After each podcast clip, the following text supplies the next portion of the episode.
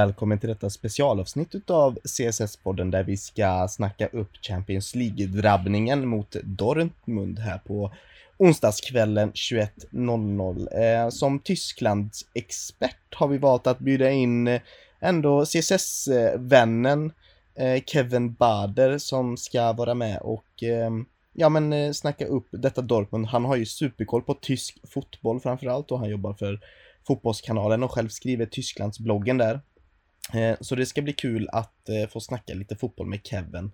Ehm, detta avsnittet kommer bara i princip handla om ja men liksom mötet, det kommer vara lite djupdykning i Dortmund som eh, fotbollslag och lite hur, eh, vilka spelare det är som sticker ut där och eh, vi kommer självklart också prata om Kai Havertz. Jag vet att vi alla är lite trötta på att eh, prata om Kai Havertz men eh, Kevins nyktra ögon och insikter kanske är värda att eh, ta med sig. Så eh, det ska bli spännande att höra vad Kevin har att säga om, eh, om Kai Havertz.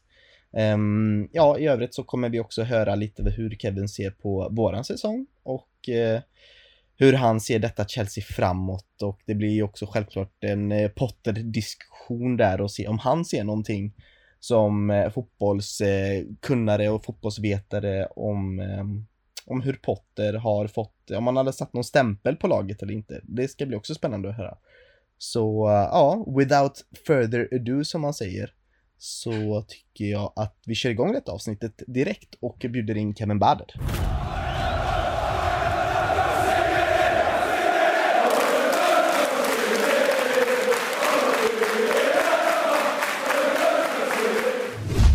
Ja, då sitter jag här med Kevin Bader som är journalist på Fotbollskanalen och ni som har lyssnat på podden innan vet ju att eh, Kevin Bader brukar ändå gästa podden då och då men nu får jag äntligen möjligheten och äran att eh, äntligen snacka fotboll med dig eh, Kevin. Det ska bli riktigt kul faktiskt.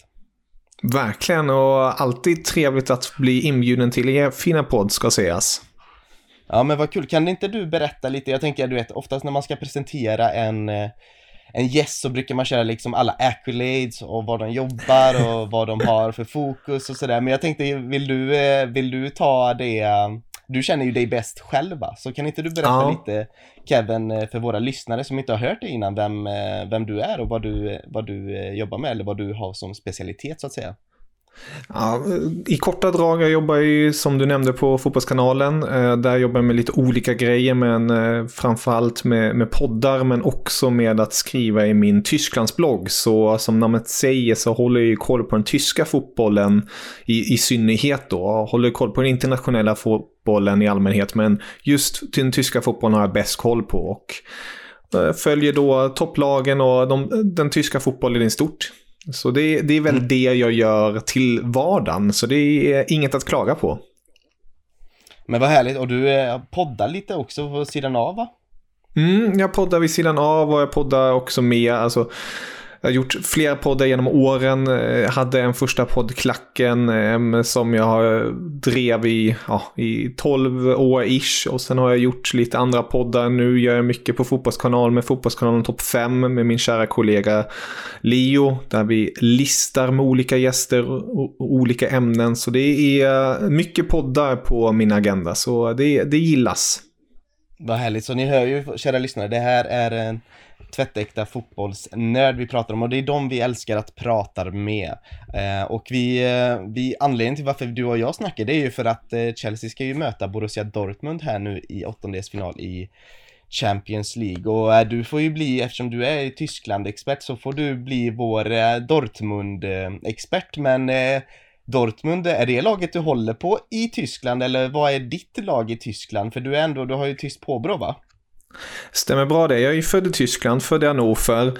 Men eh, i dagsläget har jag inget riktigt klubblag längre. Det är framförallt det tyska landslaget där eh, hjärtat slår som starkast och känslorna kommer fram. Det är, det är lite som för er för Chelsea är för mig för Tyskland. När det går bra för Tyskland då, då mår man bra. När det går dåligt för Tyskland då mår man dåligt. Så de senaste fyra åren, fem åren har jag mått dåligt, enkelt sagt. Så det, det, det är väl där vårt hjärtat slår hårdast. Men när det kommer till klubblagsfotbollen så så låter det kanske konstigt, men jag, jag hejar ju bokstavligen på alla tyska lag när de spelar ut i Europa. Så mm. nu när det är Champions League, då håller jag extra hårt tummarna för just Dortmund i den här matchen mot Chelsea, för Bayern München mot PSG och för Eintracht Frankfurt mot Napoli och Leipzig mot City då. Så det, där hoppas vi verkligen på en tysk framgång, men jag är ju fullt medveten om att det inte kommer bli så lätt, eh, speciellt i vissa matcher. Men bara det, när du nämner de här lagen och matcherna så det visar ju ändå på att tysk fotboll, även fast landslaget knackar, vilket vi fick se i eh, mm. VM här nu senast, så visar det ändå på att tysk fotboll eh, mår ändå bra. Ja, det, det, har börjat hitta sin konkurrensstyrka på ett sätt skulle man vilja säga. Tittar man på tabellen i dagsläget när vi spelar in det här är det rekordjämnt. Vi har det här överraskningslaget som kanske de utanför tyska gränserna inte har så bra koll på. Union Berlin som är bara en poäng bakom Bayern München och gör det riktigt starkt. Vi har ett RB Leipzig som har en stark trupp, ett Dortmund som börjar hitta sin väg igen, ett Eintracht Frankfurt som vann Europa League förra säsongen och sen många fler lag där till som egentligen ska vara ute i Europa och slåss som till exempel Bayer Leverkusen eller Gladbach som har det tuffare i dagsläget. Men det är som du säger där, tysk fotboll eh, är kanske inte lika rik som Premier League när det kommer till pengar, men eh, har väldigt mycket när det kommer till talang och just utbildning av tränare och sådant. Precis, och för ur ett supporterperspektiv så måste jag säga att eh, kulturen är ju också någonting som kanske inte har men sålts in till eh, kanske de utanför gränserna av Tyskland riktigt. Jag har en vän som nyligen flyttade till Berlin förra året och han bor i östra delen utav Berlin då. Han, lyckas, han lyckades då få sig medlemskap eh, på Junior Berlin och går på, ja med var och varannan hemmamatch liksom. Eh, han var även på, mot, på derbyt här mot Hertha för någon vecka sedan också, så han, han har blivit riktigt Union Berlin-supporter och det är roligt att se. Annars är han ju en stark eh, United-vän eh, då, men det är kul att se att, eh, men att den är så lokalförankrad fortfarande och att den på något sätt lyckas behålla sin identitet och det är eh, både imponerande och anmärkningsvärt i den här globaliserade fotbollsvärlden vi ändå lever i. Oh ja, oh ja, det stämmer. Det, man märker ju läktarna är fyllda till max i, i de flesta arenorna i Tyskland, även om man går längre ner i divisionerna, både i Zweite Bundesliga och Dritte Liga. Där är det, är det många tusentals människor som sitter och hejar på sina lokala lag. Mm. Ja, men du sa ju att det var jämnt i toppen utav Bundesliga då och Dortmund som vi ska möta här nu då i eh, onsdag blir det va? Eh, så ligger mm. Dortmund trea eh, just nu i ligan med endast tre poäng efter ligaledarna Bayern München. Eh, hur stark skulle du vilja se att denna upplaga utav Borussia Dortmund ändå är? Alltså för er eh, tråkighet är det ju faktiskt så att Dortmund inte har sett så här starka ut på väldigt länge. De är ju inne i en riktigt stark form. De har ju 2023 inte förlorat någon match. Det betyder sex tävlingsmatcher, sex segrar. Och har börjat visa upp en, en stabilitet som man inte sett tidigare i Dortmund sedan kloppdagarna om man ska vara riktigt krass. Alltså, Dortmund har ju blivit välkänt genom de senaste åren att vara ett riktigt berg och Med det sagt betyder det att ena veckan kan de bjuda på en 5-0-seger och andra helgen förlorar de i en bedrövlig insats. Men nu börjar de hitta den här stabiliteten där bak. De har ju vävat in tyska mittbackarna Niklas Süle från Bayern München och Nico Schlotterbeck från Freiburg i somras. De börjar hitta varandra mer och mer. De har också fått en stabilitet i, i mittfältet där Bellingham leder det hela tillsammans med en lite äldre Emre Can och Öskan från FC Köln som man har spelat tidigare i. Och framåt har man ju haft kvalitet och talang väldigt länge. Men spelare som en Julian Brandt till exempel, som inte riktigt har hittat rätt i Dortmund de senaste åren, har nu hittat sin form och gör det jäkligt bra. Och sist men inte minst får man inte glömma en, en Sebastian Haller som efter sin, eh, sina hemska cancerbesked i somras har nu kämpat sig tillbaka och visar den här hungern och passionen och den här målfarligheten som har saknats efter Hålands ja, farväl i somras. Mm. Ja, det, du nämnde det med Sebastian Haller och det var faktiskt min lite följdfråga här. Ehm, skulle du vilja säga att i början av säsongen då att han har varit saknad eh, i laget då, eller i truppen sett till hur man vill hur Edin Terzic vill spela sin fotboll och hur är känslan nu när han är tillbaka? Ja, definitivt. Han var, han var väldigt saknad.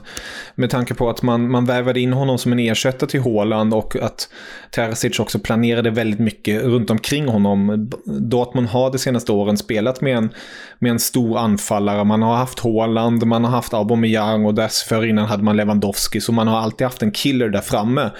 Och nu när inte en sådan fanns, man vävade in Modest i sista sekund som en form av ersättare.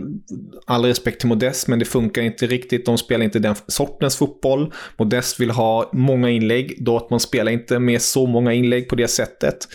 Men nu när han lär in i laget så har man fått den här spetsen och man hittar kombinationsspelet mer och mer. Så det här Dortmund har flera olika dimensioner som de kan ta sig an i och det, det gör det inte mycket lättare för Chelsea. Nej, och det, det är intressant med Sebastian Allaire med, även fast han är han är ganska stor och fysisk och sånt där och också skulle kunna göra bra ifrån sig i inläggsspel så är han ju, mm. ja, men han har ju fina kombinationsfötter också och han en väldigt eh, begåvad fotbollsspelare när man, när man tänker efter faktiskt. Även, även fast vi kanske, vi Premier League-vänner då som känner till hans tid från England, eh, kanske såg honom mer som en, ja men inläggs, eh, vad ska man säga, en stark target liksom. Mm, precis. Ja, han hade ju inte den bästa tiden i, i, Premier League och har nu fått återvända till, till Bundesliga efter en kort session i, i Ajax. Han var ju i Eintracht Frankfurt dess, desto tidigare när det var i den tyska fotbollen. Så det, det är kul att se honom i, i Bundesliga igen och i Dortmund. Tycker det är en, det är en passande fit på, så att säga. Verkligen, och vi är, eh, vi fotbollsälskare då och fotbollsvänner är ju glada att se honom tillbaka på fotbollsplanen mm. faktiskt. Det är glad, glada att se. Eh, men förutom Bellingham och Sebastian Haller, du nämnde ju några till där. Vilka spelare borde man hålla koll på? Vilka spelare tycker du just nu kanske gör en, en så kallad bra säsong? Mm. Ja, jag skulle vilja då nämna två spelare förutom de redan nämnda. Det är Julian Brandt som jag nämnde tidigare. Han var ju på något vis underbarnet från Bayer Leverkusen på något sätt eh, föregångaren till Kai Havertz. Det, det, har ju, Leverkusen har ju en tendens att kunna få fram de här väldigt talangfulla spelare. Det var Julian Brandt, därefter kom Kai Havertz och nu är det Florian Wirtz som det snackas väldigt mycket om och som kommer gå en stor framtid till mötes. Men Brandt i alla fall, han har haft det svårt att hitta rätt i Dortmund. Dortmund spelar ju en väldigt fartfylld fotboll och i, i Leverkusen hade han en position där han inte behövde jobba på det sättet hem och så. Men det har nu kunnat gnugga av sig, det tog ett tag eh, ska sägas, men nu har han egentligen gnuggat av sig det och går mer aggressivt in i spelet. Han, han vågar ta duellerna och samtidigt kombinerar han det med, sin, eh, med sin sitt fina spelsinne som han har. Han är, han är både målfarlig men också duktig på att spela fram bollen. Och därtill ska man också lägga nyförvärvet Karim Adeyemi i Red Bull Salzburg. Anfallaren som vi såg förra säsongen där. Eh, tysken kom ju i somras till Dortmund. Slog nu ett eh, nytt rekord i Bundesliga när det kommer till hastighet, 36,65. Så här pratar vi om en väldigt, väldigt snabb spelare som på något vis har sprungit bort sig under hösten men sprungit rätt nu den senaste tiden och kan kombinera den här snabbheten med en fin teknik. Så det är väl spelare som jag tror, då, äh, inte Dortmund, ska, de ska inte se upp för det, mm. Chelsea ska se upp för det um, härnäst. För att det är spel som verkligen kan göra livet surt för dem. Och sen har vi ju självklart kapten Marco Reus som som fortfarande har det i sig. Han är inte lika smidig och snabb längre, men han är fortfarande målfarlig och han är extremt viktig för laget när det kommer till, till de här viktiga matcherna. Så det, det känns som att det finns en bra balans i Dortmund just nu, eh, både bakåt och framåt. Jag blev nästan lite rädd nu för nu nämnde du halva laget här som gör en bra säsong. Och det... Men eh, det, jag väntade nästan på att höra lite mer om eh, Josufa Mokoko då som ändå, mm. han, förläng, han förlängde väl nu här i, eh, för någon månad sedan. Var Stämmer. Med, med, eh, berätta lite om honom, han, det är ändå en stor talang där i, eh, som han har lyckats eh, roffa åt sig. Mm, jo, det är en eh, supertalang, Josef Mokoko, eh, yngsta debutanten i Bundesligas historia någonsin och Gjorde typ 100 mål på 50 matcher i ungdomsleden. Alltså överdrivna siffror, enkelt sagt. Men för hans del har det varit lite tuffare nu. Efter förlängningen har ju också Haller kommit tillbaka. Så han har ju inte fått lika mycket speltid. Och nu sist också har han eh, dragit på sig en skada. Så han är ju lite osäker inför Chelsea-drabbningen. Men eh, det, det är all respekt till honom. I dagsläget är det inget större bakslag med tack vare att Haller är just tillbaka i, i Dortmund-lägret. Ehm, så det mm. är, det är en spelare som jag tror mycket på i framtiden. Men i, i dagsläget är det inte den nyckelspelaren. Ja, det är bra för alla er Chelsea-fans där ute. En spelare att hålla koll på för framtiden helt enkelt. En riktig juvel som mm. eh, Dortmund sitter på. Men eh, nu när det kommer till hur man spelar sin fotboll, man förknippar ju oftast Dortmund med det här ja men sen länge tillbaka egentligen med ett väldigt eh, vass kontringsspel, fartvild fotboll, man spelar väldigt vertikalt, man använder sina yttrar på ett bra sätt. Ehm, mm. hur, eh, hur skulle du vilja säga att Dortmund spelar sin fotboll just nu och vilka direkta styrkor och eh, kanske till och med lite svagheter kan du se hos eh, Dortmund. Är det någon speciell position som är lite, har lite frågetecken kring sig, om det är en målvakt eller om det är någon mittback. Eh, kan du berätta lite styrkor och svagheter och hur spelar Dortmund sin, eh, sin fotboll? Ja, det, är precis som du är inne där. De fortsätter ju egentligen med sitt DNA, just den här fartfyllda fotbollen, eh, många diagonala och eh, snabbt spel. Men svagheten där är ju framförallt eh, på, på ytterbackspositionerna. De har duktiga offensiva ytterbackar, speciellt portugisen Guerreiro, som levererar på löpande bandpoäng framåt, men som när det kommer till defensiva kan eh, halv, ja, inte riktigt leverera det som han ska leverera när det kommer till en vänsterbacksposition. Så där tror jag att Chelsea bör på något vis hugga om man vill komma förbi försvaret och hitta ett bra sätt. Sen har man ju vävat in eh, Unions högerback Ryerson för Thomas Monier eh, är långtidsskadad så han är borta, belgaren. Så de tog in Ryerson, norrmannen. Han är ju en, ja, han är en sån där klassisk ytterback som, som gör det bra. Han kan spela både höger och vänster, men är inte märkvärdig. Så det är, det är ingen så här... Vi kan bara dra parallell till Bayern München. De har ju tagit in Cancelo. Det, det är ju en annan nivå på det hela. Men eh, det är väl där jag skulle vilja säga är frågetecknen kring Dortmund framför allt när det kommer till ytterbackspositionerna i det defensiva spelet. Sen ska det också sägas att Nico Schlotterbeck och Niklas Sule de har ju sett stabila ut den senaste tiden, men eh, det finns en historik där att de kan se ut eh, lika klantiga som, eh, jag vet inte, clowner ute på hal is ibland. Alltså det kan se väldigt taffligt ut och, och knasigt i det hela. Niklas Sule är ju en, en stor bjässe som man ibland tänker sig, kan han spela fotboll? Och han kan det faktiskt och han är jävligt duktig på det. Han har ogalet, ogalet. Eh, han har galet nog mm. väldigt kvicka fötter eh, för sin storlek och är väldigt snabb. Han måste dock komma upp i hastigheten för att, för att på något vis eh, visa det. Sen har vi Nico Schlotterbeck som är en talangfull mittback, duktig med fötterna, men kan bli lite väl naiv ibland. Kan vilja ta det där steget framför mycket och kanske vilja slå den avgörande passningen. Påminner lite om en, en Mats Hummel som fortfarande finns kvar i laget men som sitter just nu mycket på bänken. Han var ju mycket välkänd för just sitt spel bakifrån. Alltså en, ja, om man ska dra väldigt krassa drag, en, en modern Frans Beckenbauer extremt mm. duktig på att sätta de där djupledsbollarna och har en ytterfot som är något utöver det vanliga. Så där kan ju Nico Schlotterbeck ibland vilja kliva in i den rollen och vilja dirigera allt för mycket och då, då kan det bli, gå fel.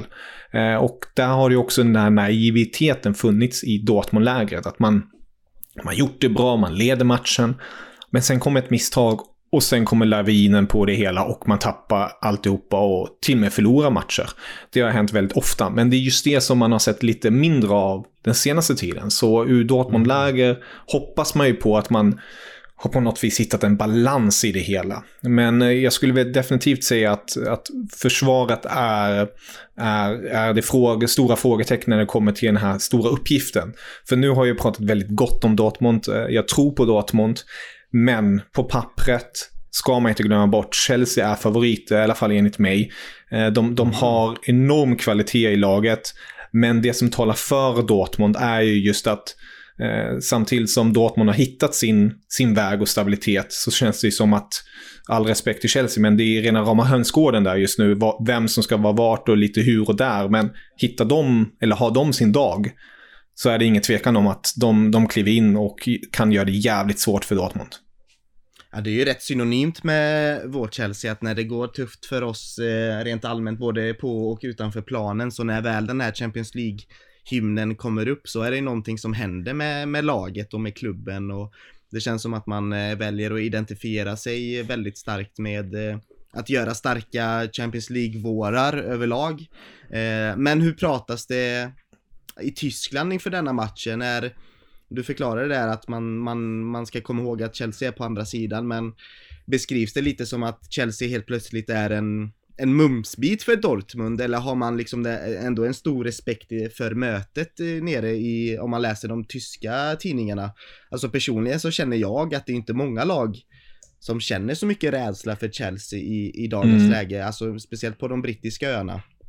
Eh, och många lag ser ju det som sin chans att ja, men snå åt sig ett resultat och sådär. Hur ser, mm. hur ser mm. tysk, hur, tyska medierna på det? Alltså tysk, ur tysk håll ser man ju det här, det här kaoset, om man nu får kalla det så, i, i Chelsea i dagsläget. Med, med den här enorma transferfönstret i, i ryggen och Potters på något vis vilja och väg att hitta rätt i det hela. Eh, och, och, där har man ju sett att det finns en viss ovisshet kring det hela. I, i Kicke idag skrev man Nur Thiago Silva verspricht Sicherheit. Bara Thiago Silva Ehm, är på något vis den som kan stå för, för säkerheten. Och, och att man är osäker kring hur eh, Chelsea ska ställa upp. Men det, det, finns ju så många alternativ och det är väl det som är både det goda och det negativa för, för Chelseas del. Eh, Kicke la upp en elva här idag som de tror att de kommer ställa upp och det var Kepa i mål, Chames, Aspilicueta, Silva, Chilwell som, mitt, eh, som försvarare. Enzo mm. och Loftus-Cheek som defensiva mittfältare. Eh, Zuzek, höger, ytter, Felix, offensiv spets, Modryk, vänster, ytter och Havertz anfallare. Så tror Kicker att Chelsea kommer ställa upp, men det kan ju lika gärna vara något helt annat om man ska vara krass. Ja, ja det är, vi, vi själva vet ju knappast. Vi, vi vet i alla fall att Badiashil eh, inte får spela. Han har ju ändå imponerat sen han kom in från Monaco. Han får inte spela denna matchen tyvärr jämte Thiago Silva. Så mm. Eh, det, det ska bli spännande. Men det, vi är väldigt glada att vi har tillbaka våra fina ytterbackar som är väldigt centrala i sättet vi spelar fotboll eh, överlag. Men sen är det, du nämnde ju om att era ytterbackar då, eller era, förlåt, att Dortmunds ytterbackar ja, kan, eh, kan eh, visa på lite svagheter. Och där kan man ju se att Modric, du nämnde, vad var det, Adeyemi som hade kommit upp i 36 km i timmen, mm. var det va? Ja, det 36-65 precis.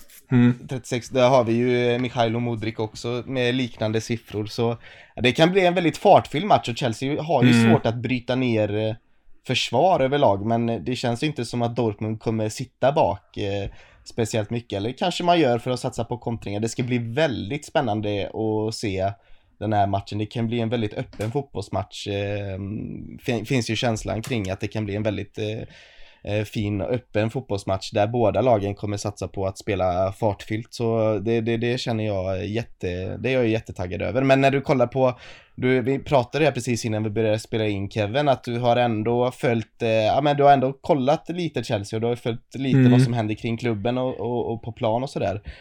Um, alltså dina tankar på Chelsea just den här säsongen och Potters, Potters gärning. Jag har ju pratat med mm. andra både lite så här fotbollskunniga ex-fotbollsspelare, jag har pratat med många supportrar och när man frågar vad ser ni att Potter har gjort med, med laget så får jag väldigt olika svar. Många säger att jag ser ingenting, han har inte utvecklat någonting.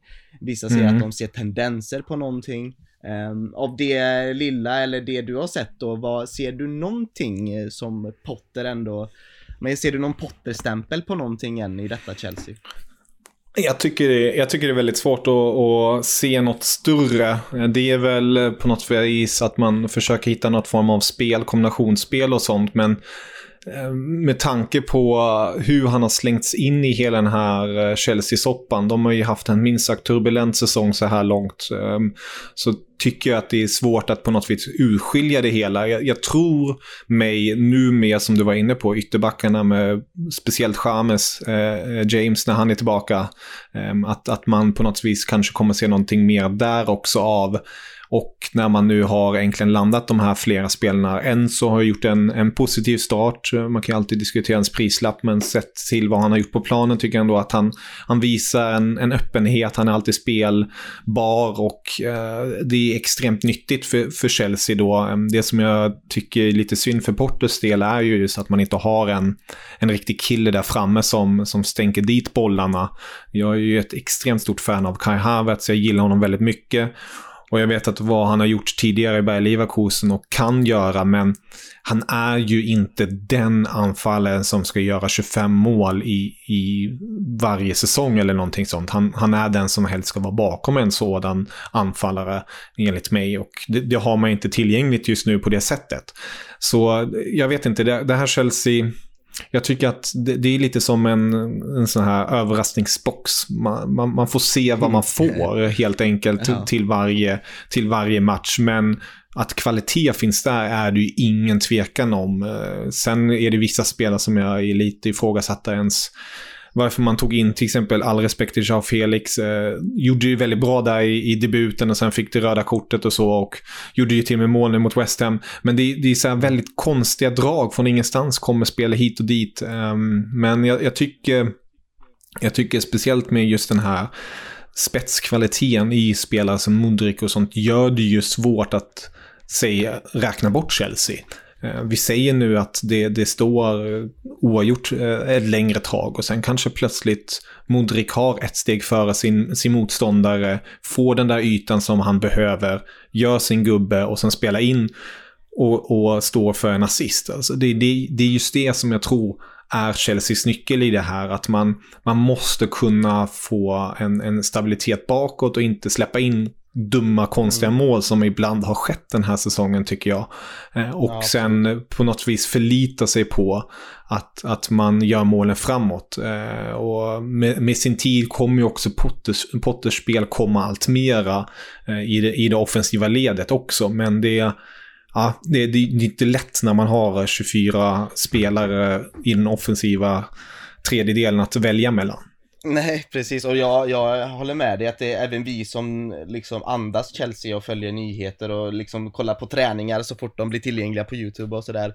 De, även vi har ju svårt att se vad det är, eller många utav oss ska jag säga, ska inte dra alla där men många utav oss har ju svårt att se vad det är Potter vill med detta laget och vad, hur man vill spela egentligen att det är precis som du säger att ja, målen kan ju, det är lite som en sån här överraskningsbox då och precis så känns det för oss också att det är vi förlitar oss väldigt mycket på individuell kvalitet mm. egentligen framåt och det, jag kan inte se några systemiska mm. um, vad heter det, mönster alls. Det kunde jag ju se med Tuchel väldigt tidigt till exempel mm. när, han, när han kom och tog över laget efter Lampard. Så Dock så ser försvaret ut, ser försvaret mycket bättre ut måste jag säga mm. med eh, Badiashil och Thiago Silva jämte varandra och det kommer se ännu bättre ut nu när Chilwell och eh, Rhys James kommer få mer speltid när de är tillbaka från sina skador här.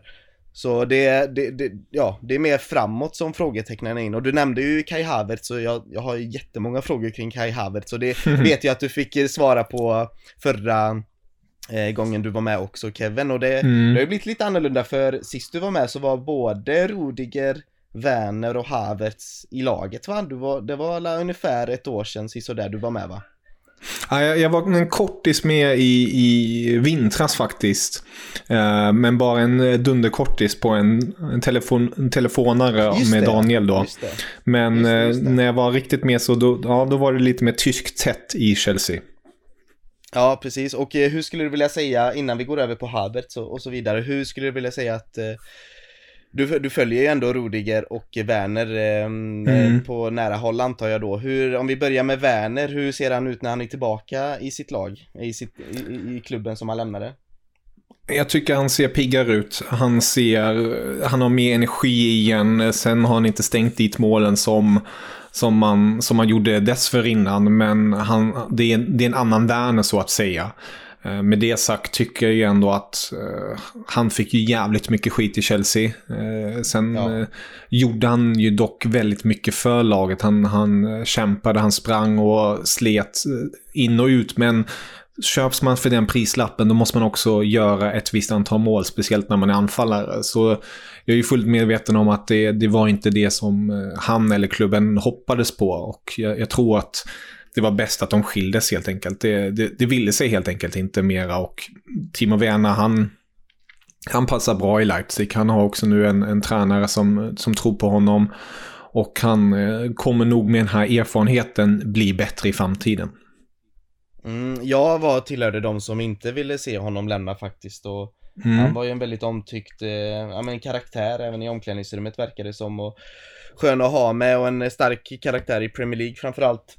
Men sen var, tillförde han så himla mycket nyttigt i, i spelet som inte många såg med. Han offrade ju väldigt så mycket, tog bra löpningar och det var ju där målen, hade bara haft lite mer flyt så hade han haft med sig sex fler mål i Premier League.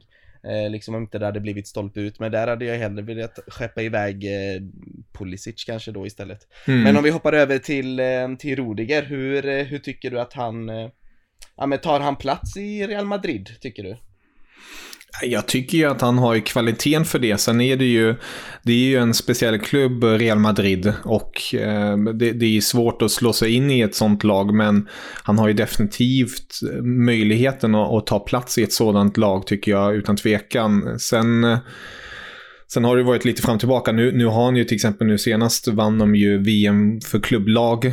Där bildade han ju mittbackspar med David Alaba, eh, tyskbekantingen, österrikan som också har gått dit nu. Eh, så det, det, det, det, passar honom väldigt bra och det var ju väldigt bittert för, för Chelsea att tappa tycker jag en sån bjässe. Eh, jag har ju genom åren eh, tyckt att han är en duktig försvarare men jag har aldrig sett honom som en försvarsledare. Han har dock vuxit mer in i den rollen, men jag tycker ändå inte att han har blivit en given försvarsklippa. Där skulle jag till exempel om man tittar på Real Madrid, då håller jag Alaba högre eh, på, på, den, eh, på den flanken. Samma sak i, i Chelsea, Thiago Silva är ju en försvarsledare. Eh, ser man ur tyskt håll, då var ju en Mats Hummels en försvarsledare jämfört med eh, Rüdiger. Han är ju inte det på samma sätt riktigt. Han har fortfarande de här tabbarna i sig, men han är en väldigt duktig försvarare när han används rätt. Mm, ja, jag skulle nog vilja säga att han växte till en ganska stark ledare i, i vårt Chelsea. Jag tyckte att han mm. eh, att han ibland när vi, när vi, när, när spelet knackade så kunde han kanske bryta mönstret då med att göra en mm. 40 meters löpning in mot plan eller att han gjorde en, eh, en stark tackling eh, i, om, om det blev någon bakomvänd kontring så var han väldigt snabb där med. Jag, jag tyckte, ja, han växte väldigt starkt hos oss Chelsea-fans, Rodiger. Eh, från att han var lite ifrågasatt när han kom från Roma så var det ju Växte han till en, eh, ja men en jättestark ledare tror jag. Jag tror, mm. jag tror det har tagit lite tid för omklädningsrummet att anpassa sig utan honom eh, tror jag för att han, väldigt, han verkar ha varit väldigt eh, vocal så att säga i omklädningsrummet med. Mm. Men nu, nu känner jag äntligen nu när Badiashil och Fofana kommer tillbaka att ja, vi kanske ändå hittat någon slags eh, replacement där. Men mm. eh, ska vi gå tillbaka till eh, kanske den största snackisen eh, bland oss eh, Chelsea-supportrar just nu då. Du nämnde ju Kai Havertz.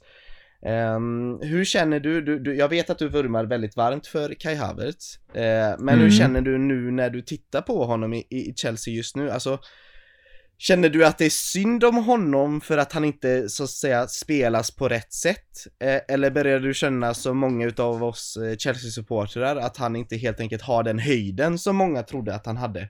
Alltså är verkligen Havertz så himla beroende av att ha med bättre fotbollsspelare runt om sig? Eller vad, vad ser du är problemet? Det känns ju som att liksom skulle han gå till Bayern München eller Real Madrid eller någonting liknande, kanske Bayern München mer troligt, så kommer ju han explodera och verkligen nå sin eh, potential. Det är ju verkligen så alla vi känner. Vi vet ju att det finns någonting där. Och vi, för oss mm. var ju han någonstans den här ja men när han kom in, det var ju vårt nya, vår nya Starboy när han kom in där eh, den mm. sommaren och liksom var transferrekord för oss och så nu helt plötsligt är han en sån stark vattendelare mellan, eh, bland oss Chelsea-fans där majoriteten har gått över till att man vill bara se honom lämna eh, mm. klubben. Ah, alltså det, det, är väldigt svårt. Ehm, jag har ju hört intervjuer med honom och hört att han, han känner sig bekväm på den position som han spelar på och så, men jag, jag är fortfarande den meningen, spelar man honom på, på rätt sätt och med det sagt som eh, till exempel den här elvan som jag sa nyss, vart sa Felix tar plats. Där, tycker jag, där vill jag se Havertz. Jag vill se honom på tian. Jag vill se honom som navet i det offensiva spelet. Ha en, ha en fri roll. Eh, kunna utgå från mitten men kunna gå både ut och på kanterna eller kliva in i boxen och sånt. Men kunna hela tiden söka sig till bollen. Och det jag ofta ser när jag ser Chelsea är att han kommer, han får lite touch här och där, men sen är han där borta i boxen där han ska vara som, som anfallare då. Men det, han ska vara, han, han är vän med bollen helt enkelt. Och det är det jag tycker är synd att man inte får se lika mycket av i Chelsea som man såg till exempel i Bayer Leverkusen. Sen ska man ha all respekt. Eh, det, det är en skillnad att spela Bayer Leverkusen i Bundesliga och spela Chelsea, vara ett, ett rekordköp och leverera i Premier League. Det är jag fullt medveten om, men jag tycker att han har de kvaliteterna och det har han visat flertals gånger att han, han besitter det. Men då måste han tyvärr, eh, att han, han är inte så anpassningsbar på det sättet. Man kan spela honom så, men då får man inte ut max av honom och det har man ju sett den senaste tiden. Spela honom på rätt sätt så tror jag att man kommer få betydligt mer av för valutan helt enkelt. Men jag vet inte. Med tanke på att Chelsea har lagt så mycket pengar, eh, men inte på en mm. anfallare. Eh, mm. och, och, man har lagt så mycket pengar på offensiva pjäser på andra positioner. Så har jag svårt att se att eh, man då kommer kanske sätta en Kai Havertz på, på sin favoritposition. Eh, nu får ju framtiden eh, motbevisa mig, men nej, jag tycker det är synd. Jag tycker det är väldigt synd för att Kai Havertz i, i tysk, ur tyskt håll har han alltid snackats upp väldigt mycket. Um, och när han slog igenom Bayer Leverkusen då, då var bland annat en, en som Lothar Matthäus gick ut och sa att eh, om det är någon tysk spelare som kommer vinna Ballon d'Or i, i framtiden så är det Havertz. Um, nu kan man ju definitivt snacka om en annan tysk spelare, Jamal Musiala, men uh, Havertz har ju enorma kvaliteter i sig eh, och är extremt skicklig med bollen och duktig på att hitta ytor och, och vägar för sina medspelare. Um, men det, det, tycker jag inte han får max ut i Chelsea. Och, Nej, alltså ja. jag måste nog bara, för mig är det mer att han Ja, alltså när det kommer till det fotbolls, eh, alltså fotbollshjärna har han. Han har teknik också, även fast inte alla Chelsea-fan tycker det. Han har också ett öga för mål och hitta ytor som du säger. Men för mig är det mer frågan om det mentala. Har han mm. det, har han, har han skallen liksom? Mm. Är han en vinnarskalle? Ja, man kan se att han blir förbannad ibland när, när vi förlorar eller inte vinner matcher. Eller när mm. han förlorar någon duell eller någonting. Men har han har han skallen för att bli bäst? Mm. Det är egentligen min största det är det jag sitter och frågar mig själv för att ibland ser jag han Säger att om man inleder svagt eh, första kvarten eller första 20 minuterna i en match så Lätt att han försvinner ur en match även fast han kanske söker sig liksom eh, djupare in i banan alltså, i, och i den här tia-rollen som jag vet att han ibland spelar. Det är ju mycket falsk nia. Det är inte så att han bara spelar som target. Nej. Så ser jag han, han tappar bollen lätt och han har ibland dålig första touch. Det verkar ju mer som att mm. det är mm. något, eh, alltså mentala spöken som hindrar honom att eh, verkligen nå sin potential snarare än förmågan han sitter på. Det kan definitivt vara så. Alltså, tyskar brukar ju ha ett rykte av sig att vara mentala svin på ett sätt. Eh, Joshua Kimmich och Thomas Müller är ju uttyper när det kommer till sådana. När det kommer till att på något sätt, även om man är ned ja, man har man tryckts ner i, i, marken och geggan så, så på något vis lyckas man kliva upp och, och slå tillbaka. Eh, och Kai Havertz är ju inte riktigt den sortens spelare eller har den sortens mentalitet, tror jag inte tyvärr. Och jag kan ändå tänka mig att med tanke på att Timo Werner, Tony Rüdiger och Thomas Tuchel Alltså alla tyska på något sätt kontakter som man hade i London, um, mm. i Chelsea då specifikt, har försvunnit. Har definitivt uh, lämnat spår på ett sätt. Och att han, uh, han är ju en, alltså utifrån de intervjuer man har sett, utifrån det man har läst om honom och när han pratar. Han är ju en, uh, en väldigt snäll och eh, mjuk person, om man får nu kalla det så. Eh, och ja, då kanske, då är ju frågan om han är den som kan stånga upp sig i de här lägena. Eh, och jag kan definitivt, jag förstår, jag förstår din, din fråga och förstår ditt perspektiv och där kan jag definitivt skriva under att det, det finns tvivel om att um, om han passar in i en grupp där han inte klappas medhårs. Ehm, får han eh, klappningar medhårs av tränare, får det stödet som han behöver, sätts i den spelet som han passar bäst i och sen får lite medvind så, så lyfter han. Men han är inte draken som kanske lyfter alltid i motvind.